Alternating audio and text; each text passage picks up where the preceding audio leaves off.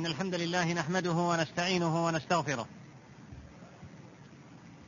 ونعوذ بالله تعالى من شرور أنفسنا ومن سيئات أعمالنا من يهده الله فلا مضل له ومن يضلل فلا هادي له وأشهد أن لا إله إلا الله وحده لا شريك له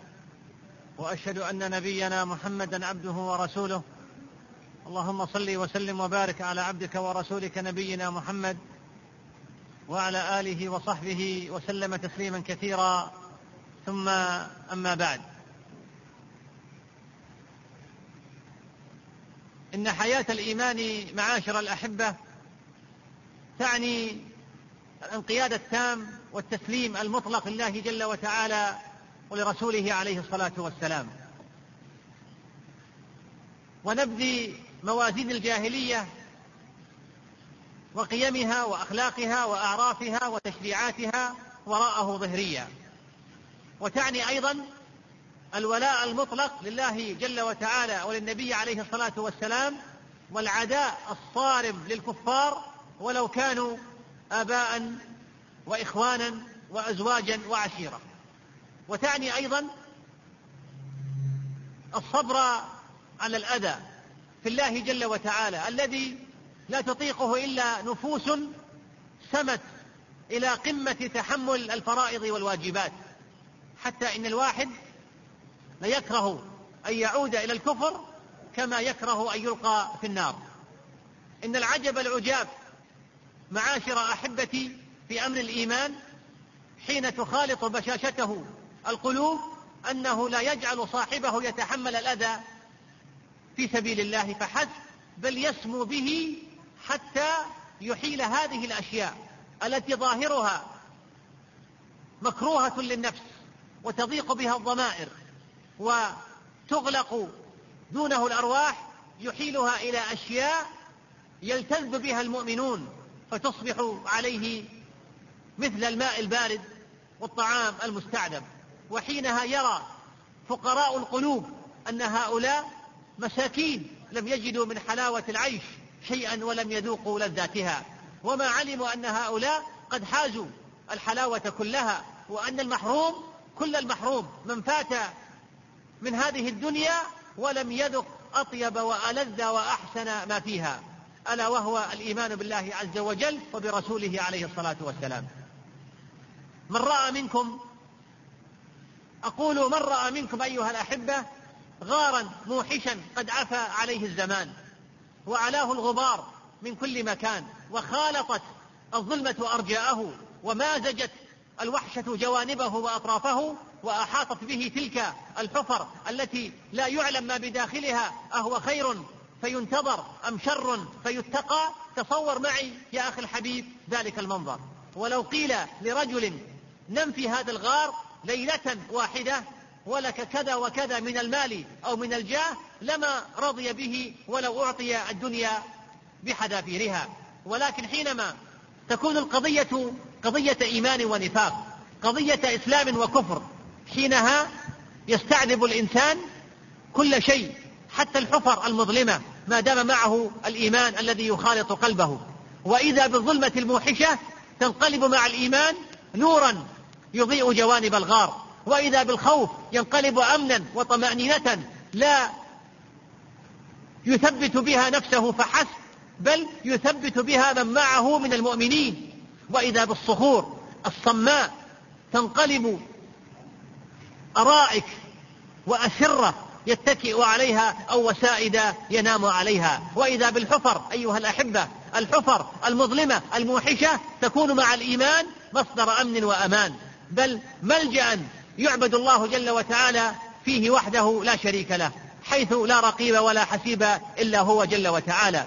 تعال معي يا أخي الحبيب نتأمل ذلك المشهد الرائع والموقف الإيماني الذي الذي تتجلى فيه أكمل صور الإيمان وحيث الغار الذي بات فيه النبي عليه الصلاة والسلام وصاحبه أياما ثلاثة إنه إنه غار ثور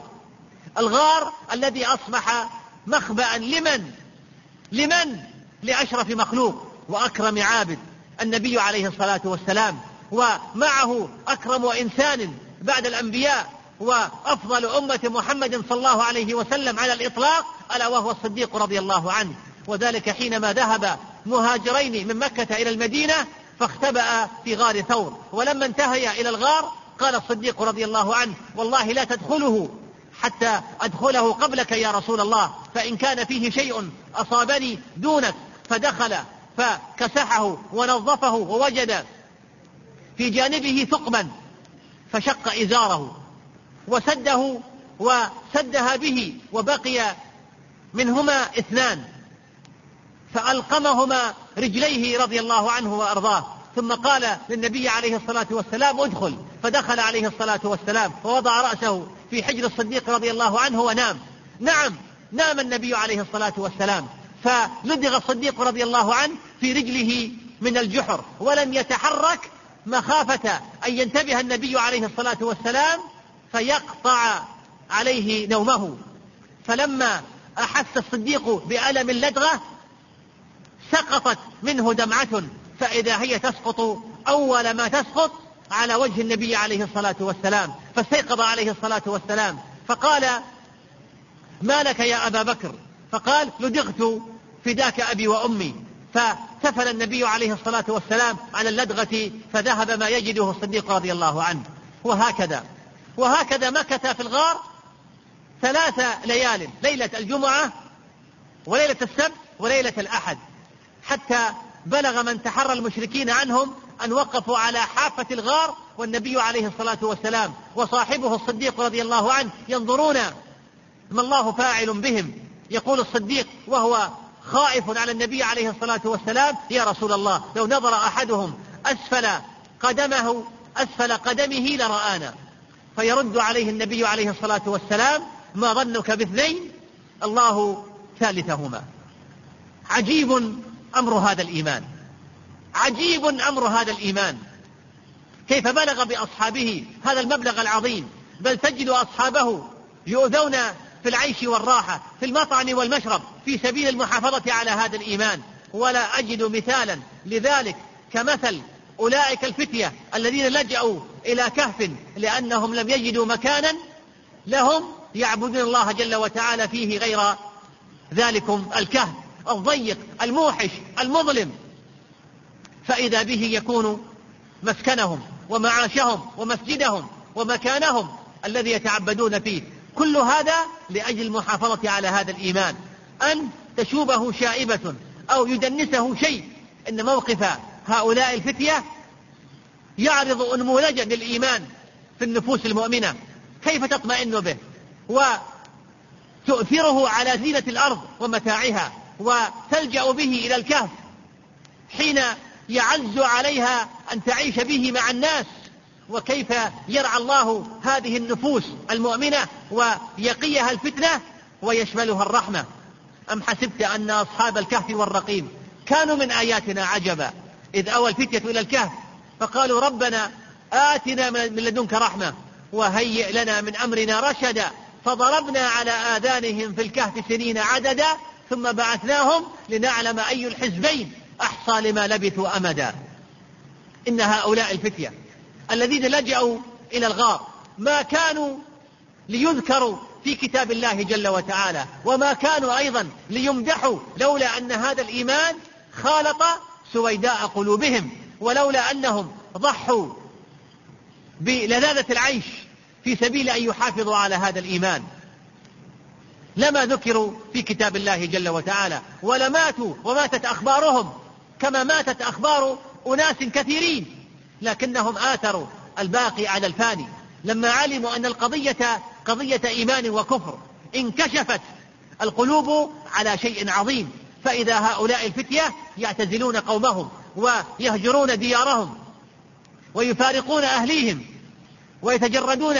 من زينة الأرض ومتاع الحياة هؤلاء هم الذين يأوون إلى الكهف الضيق الخشن المظلم الموحش هؤلاء يستروحون رحمة الله جل وتعالى ويحسون بهذه الرحمة ظليلة فسيحة ممتدة وانظر لتعبيرهم الذي قصه الله جل وتعالى لنا في كتابه وإذا اعتزلتموهم وما يعبدون إلا الله فأووا إلى الكهف ينشر لكم ربكم من رحمته ويهيئ لكم من أمركم مرفقا فتأمل يا أخي الحبيب في هذه اللفظة العجيبة المباركة ينشر توحي بالسعة والبحبوحة والانفساح وأن يكون ذلك مع الكهف الضيق الموحش المظلم إنه الإيمان إنه الإيمان نعم الإيمان فإذا الكهف فضاء فسيح رحيب وسيع تنتشر فيه الرحمة وتتسع خيوطها وتمتد ظلالها وتشملهم بالرفق واللين والرخاء إن الحدود ضيقة إن الحدود ضيقة يا أخي الحبيب والله إنها لتنزاح وإن الجدران الصلدة لترق وإن الوحشة الموغلة لتشف وإن الرحمة و وإن الراء فإذا فإذا الرحمة والرفق والراحة والارتفاق إنه الإيمان إنه الإيمان ما قيمة الظواهر وما قيمة القيم وما قيمة الأوضاع وما قيمة المدلولات التي يتعارف عليها الناس في حياتهم الأرضية وما قيمة المركب الفارغ والمسكن الوثير المثير ما دامت القلوب تضيق بالمعصية وضعف الإيمان أو بالكفر والطغيان إن المسكن الوسيع يا أخي الحبيب والمركب الوثير والمال الجم الغفير لا يعني شيئا ما دامت القلوب ضيقة لم تذق سعة رحمة الله جل وتعالى ولم تذق حلاوة الإيمان به حلاوة الإيمان به والأنس بذكره وبطاعته وإن المسكن الضيق والمركب الصغير والمال القليل بل والكهف الموحش أو الغار المفزع ليصبح جمالا ويصبح أنسا وراحة ما دام القلب يتقلب في محاب الله جل وتعالى بين ذكره وشكره وحسن عبادته وبين مناجاته ودعائه وبشر المخبتين الذين إذا ذكر الله وجلت قلوبهم والصابرين على ما أصابهم والمقيم الصلاة ومما رزقناهم ينفقون إن هذا الإيمان إذا استقر في سويداء القلب ملأ أركانه خشية وإنابة وخوفا ووجلا وإخباتا فأصبحت به القلوب لا يهمها أين عاشت لا يهمها أين عاشت أبدانها أو سكنت أعضاؤها ما دام القلب يستروح رحمة الله جل وتعالى ويأنس بذكره فأي حياة صالحة مليئة بالأنس والراحة ضيعها على نفسه ذلك المعرض عن الله عز وجل وكيف أسكن قلبه الحشوش والكهوف وترة الجسد يتنعم بين أريكة وحريرة وقلبه محبوس عن الله عز وجل أرأيتم أيها الأحبة كيف يفعل الإيمان بأصحابه وكيف يذيقهم لذة الدنيا قبل لذة الآخرة وعلمتم من خلال ذلك أن الإيمان قول وعمل قول القلب واللسان وعمل اللسان والجوارح وأن الإيمان ليس ادعاء باللسان ولا مقالة تقال لا يصدقها عمل كلا وألف كلا وليعلم كل مسلم أن الإيمان إذا استقر في القلب وذاق الإنسان حلاوته فإن أثر هذا الإيمان سيظهر أول ما يظهر على الجوارح ولذلك يجب أن يعلم كل مسلم أن كل مخالفة لله في الظاهر فهي نقص في الإيمان في الباطن ولا بد وحينها نعلم خطأ من يقول إذا أنكر عليه إذا أنكر عليه في أمر في أمر ما وخاصة الأمور الظاهرة أنه يقول الإيمان في القلب أو يقول التقوى ها هنا وأشار إلى صدره نعم الإيمان في القلب ولكن أثره على الجوارح فلو كمل إيمانك حقا وصدق يقينك صدقا لما تجرأت على معصية الله عز وجل فنقول ما آمن بالله حق الإيمان من عصى الله في لباسه واكله وشربه وما امن بالله حق الايمان من تناول ما هو حرام عليه وما امن بالله حق الايمان من لا يستحي من نظر الله جل وتعالى اليه وهو يعصيه سرا وجهارا ولكن الايمان الحق ان تعبد الله كانك تراه فان لم تكن تراه فانه يراك وقد قص النبي عليه الصلاه والسلام على الصحابه قصه رجلين مؤمنين ضربهما مثلا لما يجب أن يكون عليه المؤمنون من العفاف والزهد والإيثار فقال عليه الصلاة والسلام اشترى رجل من رجل عقارا له فوجد الرجل الذي اشترى العقار في عقاره جرة فيها ذهب فقال للذي اشترى العقار منه خذ ذهبك عني إنما اشتريت منك الأرض ولم أبتع منك الذهب فقال الآخر إنما بعتك الأرض وما فيها فقال النبي عليه الصلاة والسلام فتحاكم إلى رجل فقال الذي تحاكم إليه ألكما ولد فقال أحدهما لي غلام وقال الآخر لي جارية قال أنكحوا الغلام الجارية وأنفقوا على أنفسكما منه وتصدقا رواه مسلم في صحيحه هكذا ينتصر الإيمان على الأنانية ويحول العبد الضعيف إلى قوة هائلة لأنه يستند إلى ركن ركين وهو الله جل وتعالى والمؤمن القوي هو الذي ينتصر على نفسه أولا فيفطمها عما يكره الله جل وتعالى وعما حرم الله عليه ولا يدع نفسه وهواه يتحكمان فيه يذلانه يمينا وشمالا وشرقا وغربا وعلينا أن نعلم أنه ليس هناك عمل سيء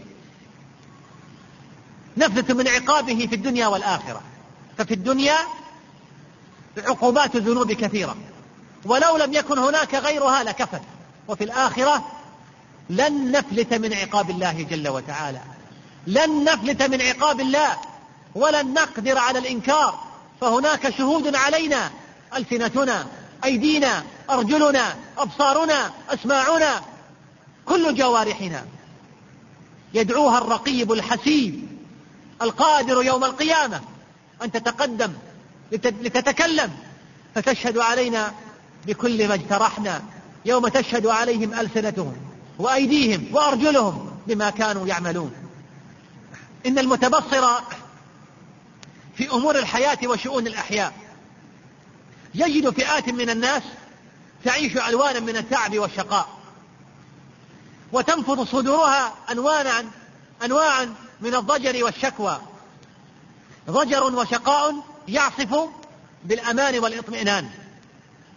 ويفقد الراحة والسعادة ويتلاشى معه الرضا والسكينة نفوس منغمسة في أضغانها وأحقادها وبؤسها وأنانيتها ويعود المتبصر كرة أخرى ليرى فئات من الناس أخرى قد نعمت بهنيء العيش وفيوض الخير كريمة على نفوسها كريمة على الناس طيبة القلب سليمة الصدر طليقة المحيا ما الذي فرق بين هذين الفريقين ما الذي فرق بين هذين الفريقين وما الذي باعد بين هذين الفريقين انه الايمان وحلاوه الايمان ذاق طعم الايمان من رضي بالله ربا وبالاسلام دينا وبمحمد عليه الصلاه والسلام رسولا حديث صحيح رواه مسلم وغيره من حديث العباس بن عبد المطلب للايمان طعم يفوق كل الطعوم وله مذاق يعلو على كل مذاق ونشوه دونها كل نشوه حلاوة الإيمان حلاوة داخلية في نفس رضية وسكينة قلبية تسري سريان الماء في العود وتجري جريان الدماء في العروق لا أرق لا أرق ولا قلق ولا ضيق ولا تضييق بل سعة ورحمة ورضا ونعمة ذلك الفضل من الله وكفى بالله عليما الإيمان بالله هو سكينة النفس وهداية القلب هو منار السالكين وأمل اليائسين وأمان الخائفين ونصرة المجاهدين وهو بشرى المتقين ومنحة المحرومين الإيمان هو أبو الأمل وأخو الشجاعة وقرين الرجاء إنه ثقة النفس ومجد الأمة وروح الشعوب وأول منافذ الوصول إلى حلاوة الإيمان وطعم السعادة الرضا بالله عز وجل وتبارك وتعالى ربا ربا مدبرا فهو القائم على كل نفس بما كسبت رحمن الدنيا والاخره ورحمهما قيوم السماوات والارضين خالق الموت والحياه مسبغ النعم مجيب المضطر اذا دعاه وكاشف السوء اعطى كل شيء خلقه ثم هدى سوى الانسان ونفخ فيه من روحه اطعمه من جوع وكساه من عري وامنه من خوف وهداه من الضلاله وعلمه من بعد جهاله إيمان بالله تستسلم معه النفس لربها وتنزع إلى مرضاته تتجرد عن أهوائها ورغباتها تعبده سبحانه وترجوه وتخافه وتتبتل إليه بيده الأمر كله وإليه يرجع الأمر كله رضا بالله جل وتعالى ويقين يدفع العبد إلى أن يمد يده متضرعا مخلصا اللهم إني أعوذ برضاك من سخطك وبمعافاتك من عقوبتك وبك منك لا أحصي ثناء عليك أنت كما أثنيت على نفسك ومذاق الحلاوة الثاني الرضا بالإسلام دينا دين من عند الله عز وجل أنزله على رسوله ورضيه لعباده ولا يقبل دينا سواه اسمعوا إلى هذا التجسيد العجيب الرضا للرضا بدين الله غضب عمر بن الخطاب رضي الله عنه مرة على زوجته عاتكة فقال لها والله لأسوأنك فقالت له أتستطيع أن تصرفني عن الإسلام بعد أن هداني الله إلي فقال لا فقالت أي شيء تسوءني إذا الله أكبر الله أكبر إنها واثقة مطمئنة راضية مستكينة ما دام دينها محفوظا عليها حتى ولو صب البلاء عليها صبا بل ان ازهاق الروح مستطاب في سبيل الله عز وجل على اي جنب كان في الله المصرع ومذاق الحلاوه الايمانيه الثالث الرضا بمحمد عليه الصلاه والسلام وعلى اله وصحبه رسولا ونبيا محمد الناصح الامين محمد الرحمه المهداه محمد الأسوة الحسنة عليه الصلاة والسلام فلا ينازعه بشر في طاعة ولا يزاحمه أحد في حكم فلا وربك لا يؤمنون حتى يحكموك فيما شجر بينهم ثم لا يجدوا في أنفسهم حرجا مما قضيت ويسلموا تسليما الرضا بمحمد عليه الصلاة والسلام اهتداء واقتداء وبسنته استضاءة وعملا إذا صح الإيمان ووقر في القلب فاض عن الحياة فإذا مشى المؤمن على الأرض مشى سويا وإذا سار سار تقيا ريحانة طيبة الشذى وشامة ساطعة الضياء حركاته وسكناته إيمانية مستكينة فإذا أحببته كنت سمعه الذي يسمع به وبصره الذي يبصر به ويده التي يبطش بها ورجله التي يمشي عليها ولئن سألني لأعطينه ولئن استعادني لأعيدنه من ذاق حلاوة الإيمان طاب عيشه وعرف طريقه ومن عرف طريقه سار على بصيرة ومن سار على بصيرة نال الرضا وبلغ المنى نعم يمضي في سبيله لا يبالي بما يلقى فبصره وفكره متعلق بما هو أسمى وأبقى يا أيتها النفس المطمئنة ارجعي إلى ربك راضية مرضية أفمن شرح الله صدره للإسلام فهو على نور من ربه هل رأيت زيا هل رأيت منظرا أحسن وأجمل من سمت الصالحين وهل رأيت تعبا ونصبا ألذ من نعاس المتهجدين وهل شاهدت ماء صافيا أرق وأصفى من دموع النادمين على تقصيرهم ومتأسفين وهل رأيت تواضعا وخضوعا أحسن من انحناء الراكعين وجباه الساجدين وهل رأيت جنة في الدنيا أمتع وأطيب من جنة المؤمن وهو في محراب المتعبدين إنه ظمأ الهواجر ومفا ومجافاة المضاجع فيا لذة عيش المستأنسين هذه حلاوتهم في التعبد والتحنث أما حلاوتهم في سبح الدنيا وكدها وكدحها فتلك عندهم حلاوة إيمانية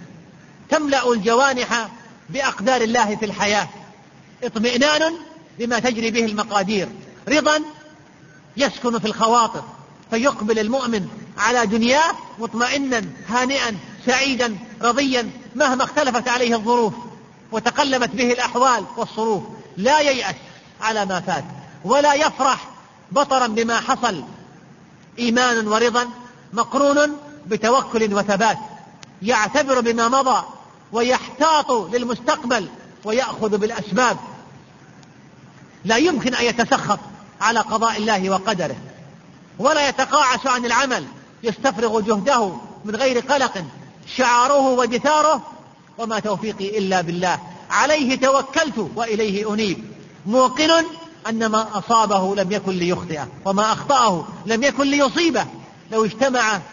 أهل الأرض والسماوات على نفعه بغير ما كتب له فلن يستطيعوا ولو اجتمعوا على منعه مما قدر له فلن يبلغوا لا يهلك نفسه تحسرا ولا يستسلم للخيبة والخذلان معاذ الله أن يتلمس الطمأنينة في القعود والذلة والتخاذل والكسل بل كل مسارات الحياة ومسالكها عنده عمل وبلاء وخير وعدل وميدان شريف للمسابقات الشريفة جهاد ومجاهدة في رماطة جأش وتوكل وصبر ظروف الحياة وابتلاءاتها لا تكدر له صفاء ولا تزعزع له صبرا عجبا لأمر المؤمن وأمره كله خير إن أصابته سراء شكر فكان خيرا له وإن أصابته ضراء صبر فكان خيرا له ولا يكون ذلك إلا للمؤمن بالإيمان الراسخ يتحرر المؤمن من الخوف والجبن والجزع والضجر قل لن يصيبنا إلا ما كتب الله لنا هو مولانا وعلى الله فليتوكل المؤمنون لا مانع لما أعطى ربنا ولا معطي لما منع ولا ينفع ذا الجد منه الجد وربك يبسط الرزق ويب وربك يبسط الرزق لمن يشاء ويقدر حلاوة ورضا تقوم في حياة الكفاح على هذه الأصول والمبادئ إذا أعطي تقبل وشكر وإذا منع رضي وصبر وإذا أمر ائتمر وإذا نهي ازدجر وإذا أذنب استغفر وإذا أذنب استغفر بهذا الإيمان وبهذه الحلاوة ينفك المؤمن من رقة الهوى ونزعات النفس الأمارة بالسوء وهمزات الشياطين وفتن الدنيا بنسائها ومالها وقناطيرها ومراكبها وسائر مشتهياتها وزينتها إن بناء المنشآت أيها الأحبة من المصانع والمدارس والسدود امر سهل مقدور عليه ولكن الامر الشاق حقا هو بناء الانسان وتغيير فكره وقلبه الانسان المتحكم في شهواته الذي يعطي الحياه كما ياخذ منها ويؤدي واجبه كما يطلب حقه الانسان الذي يعرف الحق ويؤمن به ويدافع عنه ويعرف الخير ويحبه للناس كما يحبه لنفسه ويتحمل تبعة ذلك في إصلاح الفساد والدعوة إلى الخير والأمر المعروف والنهي عن المنكر والتضحية بالنفس والمال في سبيل الله إن التغيير في هذا الإنسان أمر عسير غير يسير ولكننا نجد الإيمان حينما يتغلغل ويصل إلى سويداء القلوب نجده يفعل الأعاجيب بصاحبه فالإيمان هو الذي يهيئ النفوس لتقبل المبادئ مهما يكمن وراءها من تكاليف أو واجبات أو تضحيات أو مشقات أو حتى أن يفصل هذا الرأس عن الجسد حسبنا مثلا على الإيمان الصادق والتحول الإيماني الفريد رجل وامرأة رجل وامرأة عرف أمرهما في الجاهلية وعرف أمرهما في الإسلام أما الرجل فهو الفاروق عمر بن الخطاب رضي الله عنه الذي نعرف عنه ونقرأ ما بلغ في الجاهلية قبل إسلامه وحينما انتقل من الجاهلية إلى الإسلام وتحرر عقله حتى بلغ به الأمر إلى قطع شجرة الرضوان التي بايع النبي عليه الصلاة والسلام وأصحابه يوم الحديبية تحتها خشية أن يطول الزمن بالناس فيقدسوها ويقف عمر أمام الحجر الأسود بالكعبة فيقول أيها الحجر إني أقبلك وأعلم أنك حجر لا تضر ولا تنفع ولولا أني رأيت النبي عليه الصلاة والسلام يقبلك ما قبلتك عمر يبلغ من سمو عاطفته ورقة قلبه وخشيته لله ما ملأ صفحات التاريخ بآيات الرحمة الشاملة المسلم وغير المسلم بل حتى الحيوان حتى قال رضي الله عنه والله لو عثرت بغلة بشط الفرات لرأيتني مسؤولا عنها أمام الله لما لم أسوي لها الطريق هذا هو الرجل رضي الله عنه وارضاه اما المراه فهي الخنساء الخنساء التي فقدت في الجاهليه اخاها لابيها صخرا فملأت الآفاق عليه بكاء وعويلا وشعرا وحزنا ومن شعرها قولها يذكرني طلوع الشمس صخرا وأذكره بكل غروب شمسي ولولا كثرة الباكين حولي على إخوانهم لقتلت نفسي ولكننا بعد إسلامها نراها امرأة أخرى نراها أما تقدم فلذات أكبادها إلى ميدان الجهاد إلى ميدان الموت راضية مطمئنة بل محرضة دافعة لهم روى المؤرخون أنها شهدت حرب القادسية بين الفرس والمسلمين تحت راية القائد سعد بن أبي وقاص رضي الله عنه وأرضاه وكان معها بنوها الأربعة فجلست إليهم في إحدى الليالي تعظهم وتحثهم على القتال والثبات وكان من قولها لهم أي بني إنكم أسلمتم طائعين وهاجرتم مختارين والذي لا إله إلا هو إنكم لبنو رجل واحد كما, كما أنكم بنو امرأة واحدة ما خنت أباكم ولا فضحت خالكم ولا هجنت حسبكم ولا غيرت نسبكم وقد تعلمون ما أعد الله للمسلمين من الثواب الجزيل في حرب الكافرين واعلموا أن الدار الباقية خير من الدار الفانية والله جل وتعالى يقول يا أيها الذين آمنوا اصبروا وصابروا ورابطوا واتقوا الله لعلكم تفلحون فإذا أصبحتم غدا إن شاء الله سالمين فاغدوا إلى قتال عدوكم مستبصرين وبالله على أعدائكم مستنصرين فإذا رأيتم الحرب قد شمرت عن ساقها فتيمموا وطيسها وجادلوا رئيسها تظفر بالغنم في دار الخلد فلما أصبحوا باشروا القتال بقلوب فتية وأنوف حمية إذا فتر أحدهم ذكره الآخر وصية أمهم العجوز فزار كالليث وانطلق كالسهم وظلوا كذلك حتى استشهدوا واحدا بعد واحد وبلغ الأم نعي الأربعة الأبطال في يوم واحد فلم تلطم خدا ولم تشق جيبا ولكنها استقبلت الخبر بإيمان الصابرين وصبر المؤمنين وقالت الحمد لله الذي شرفني بقتلهم وأرجو من ربي أن يجمعني بهم في مستقر رحمته ما الذي تغير في عمر القديم وعمر الجديد وما الذي تغير في الخنساء الحزينة الباكية النائحة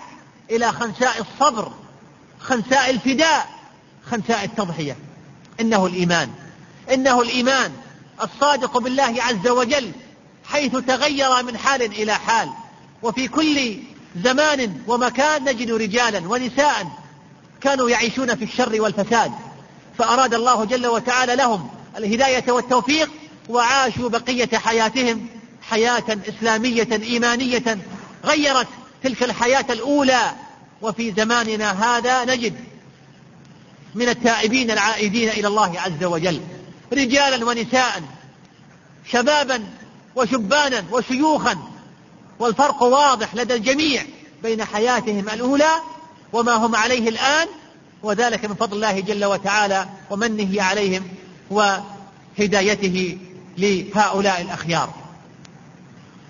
البيوت المؤمنة تخرج أشبال الإيمان والأسر التي تربت على الإيمان تخرج أشبال الإيمان إليكم هذا المثال عمر بن عبد العزيز عليه رحمة الله تعالى ورضوانه في يوم العيد وهو خليفة المسلمين يدخل رجال المسلمين يدخل رجال المسلمين لكي يهنئونه بالعيد ويدعون له بقبول الصيام والقيام ثم يذهب الرجال ثم يذهب الرجال ويدخل الأطفال أطفال الرعية فدخلوا عليه في هيئة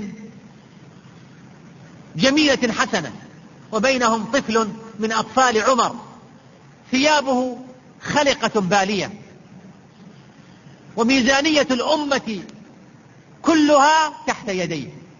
ومع ذلك ركن الدنيا برجليه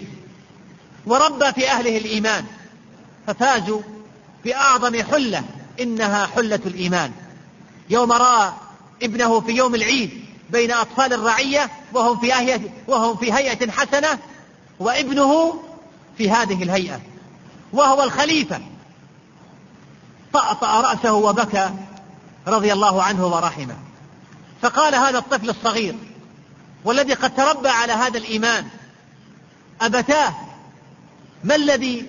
طأطأ بك رأسك وأبكاك قال يا بني والله ما من شيء إلا أني خشيت أن ينكسر قلبك يوم العيد بين أطفال الرعية وأنت بهذه الهيئة وهم بتلك الهيئة فرد هذا الطفل الصغير المؤمن رد رد الرجال المؤمنين قال أبتاه أبتاه إنما ينكسر قلب من عصى ربه ومولاه وعق أمه وأباه أما أنا فلا والله ما الذي علم هذا الطفل أن يجيب بهذه الإجابة إنه الله الذي رزقه الإيمان من صغره فتربى على هذا الإيمان فكان منه ما كان الفرد بلا إيمان ريشة في مهب الريح لا تستقر على حال ولا تسكن إلى قرار أينما الريح تميل مال الفرد بلا إيمان إنسان لا قيمة له ولا جذور إنسان قلق متبرم حائر لا يعرف حقيقة نفسه ولا سر وجوده لا يدري من ألبسه ثوب الحياة ولماذا ألبسه إياه ولماذا ينزعه عنه بعد حين الفرد باختصار بلا إيمان حيوان شره وسبع فاتك مفترس بقلب لا يفقه بأذن لا يسمع بعين لا تبصر بهيمة بل أضل والمجتمع كذلك المجتمع بلا إيمان مجتمع غابة وإن لمعت فيه بوارق الحضارة لأن الحياة فيه للأقوى لا للأفضل ولا للأفقه المجتمع بلا إيمان مجتمع شقاء وتعاسة وإن زخر بأدوات الرفاهية من الرخاء المجتمع بلا إيمان مجتمع تافه مهين رخيص غايات أهله لا تتجاوز شهوات بطونهم وفروجهم يتمتعون ويأكلون كما تأكل الأنعام والنار مثوى لهم إن للإيمان حلاوة وطعم يتذوقه من كان أهلا لذلك وحلاوة الإيمان لا يتغير لا يتغير أبدا فهو حلو دائما وإنما الذي يتغير هو حال من يتذوقونه كالمريض الذي لا يستشعر عذوبة الماء الفرات فليس فليس العيب في الماء ولكن العيب في الحالة المرضية التي حالت دون التذوق إن السلامة والسعادة مطلبان ثابتان لكل إنسان كائنا من كان في كل زمان ومكان من الفيلسوف في قمة تفكيره وتجريده إلى العامي في قاع سذاجته وبساطته ومن الملك في قصره المشيد إلى الصعلوك في كوخه الحقير من المترف في ملذاته إلى الفقير في ويلاته ولكن السؤال الذي يحير الإنسان عبر هذه العصور وعبر هذه الأجيال أين السعادة أين السعادة ولماذا الشقاء الجواب لقد طلبها الأكثرون في غير مضانها في غير موضعها فعادوا كما يعود طالب اللؤلؤ في الصحراء صفر اليدين مجهود البدن كثير النفس خائب الرجاء لقد توهموا في ألوان المتع المادية وفي أصناف الشهوات الحسية فما وجدوها فهي لم ولن تتحقق فهي لم ولن تحقق السعادة أبدا وربما زادتهم مع كل جديد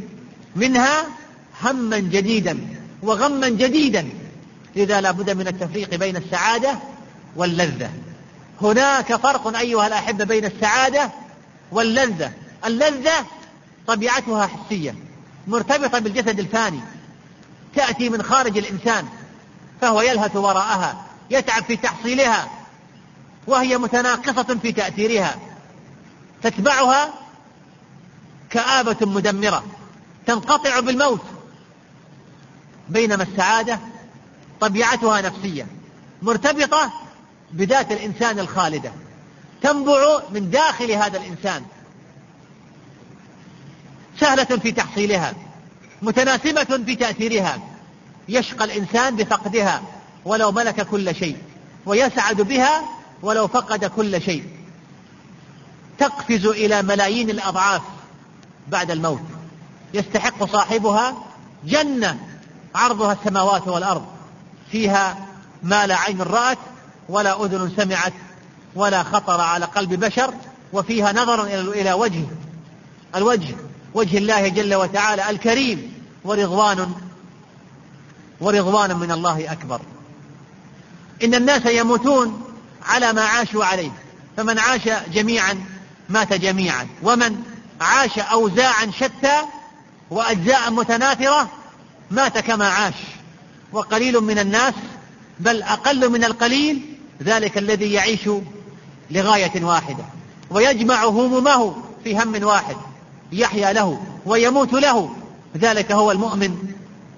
البصير الذي غايته الفرار الى الله جل وتعالى وسبيله اتباع ما شرع وكل شيء في حياته لله وبالله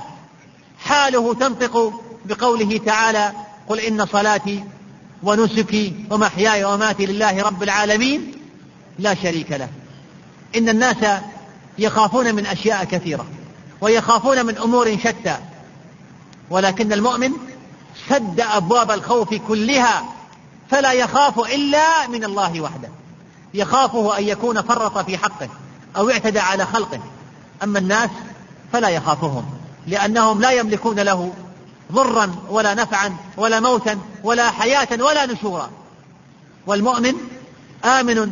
على رزقه أن يفوته فإن الأرزاق في ضمان الله الذي لا يخلف وعده ولا ولا يضيع عبده وهو الذي يطعم الطير في الوكنات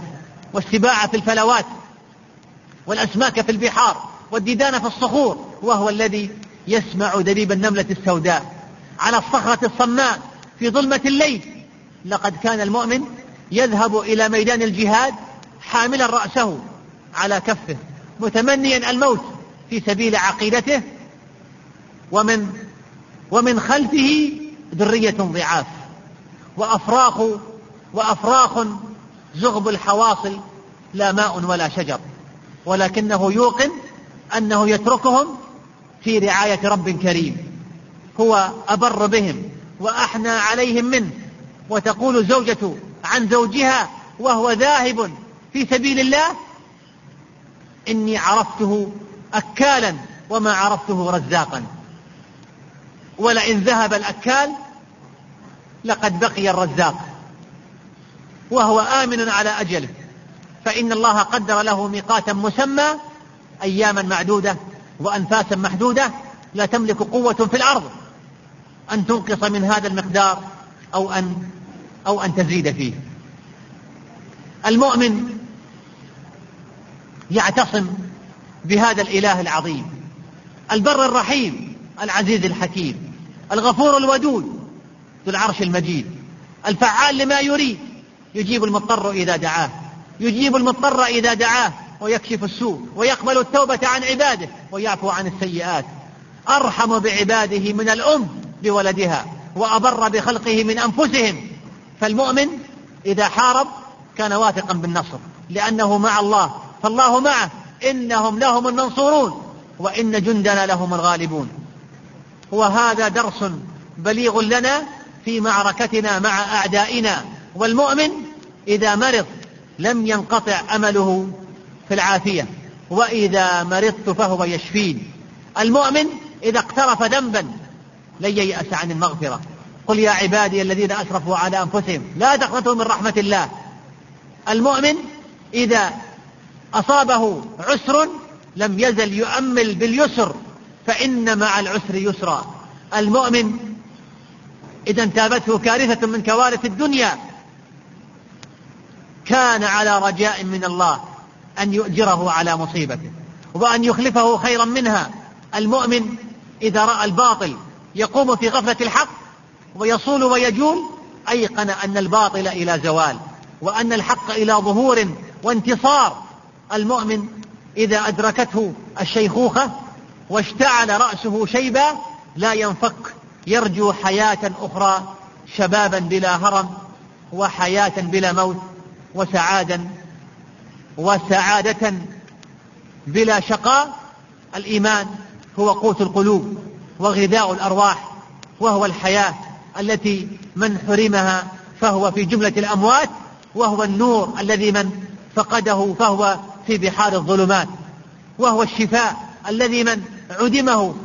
فقد حلت به الأسقام وهو اللذة التي من لم يظفر بها فعيشه كله آلام وهموم وغموم لذلك يقول عليه الصلاة والسلام فيما رواه أنس بن مالك رضي الله عنه ثلاث من كن فيه وجد بهن حلاوة الإيمان أن يكون الله ورسوله أحب إليه مما سواهما وأن يحب المرء لا يحبه إلا لله وأن يكره أن يعود في الكفر بعد أن أنقذه الله بعد أن أنقذه الله منه كما يكره أن يلقى في النار والحمد لله أولا وآخرا وظاهرا وباطنا وأصلي وأسلم على عبده ورسوله نبينا محمد وعلى آله وصحبه وسلم تسليما كثيرا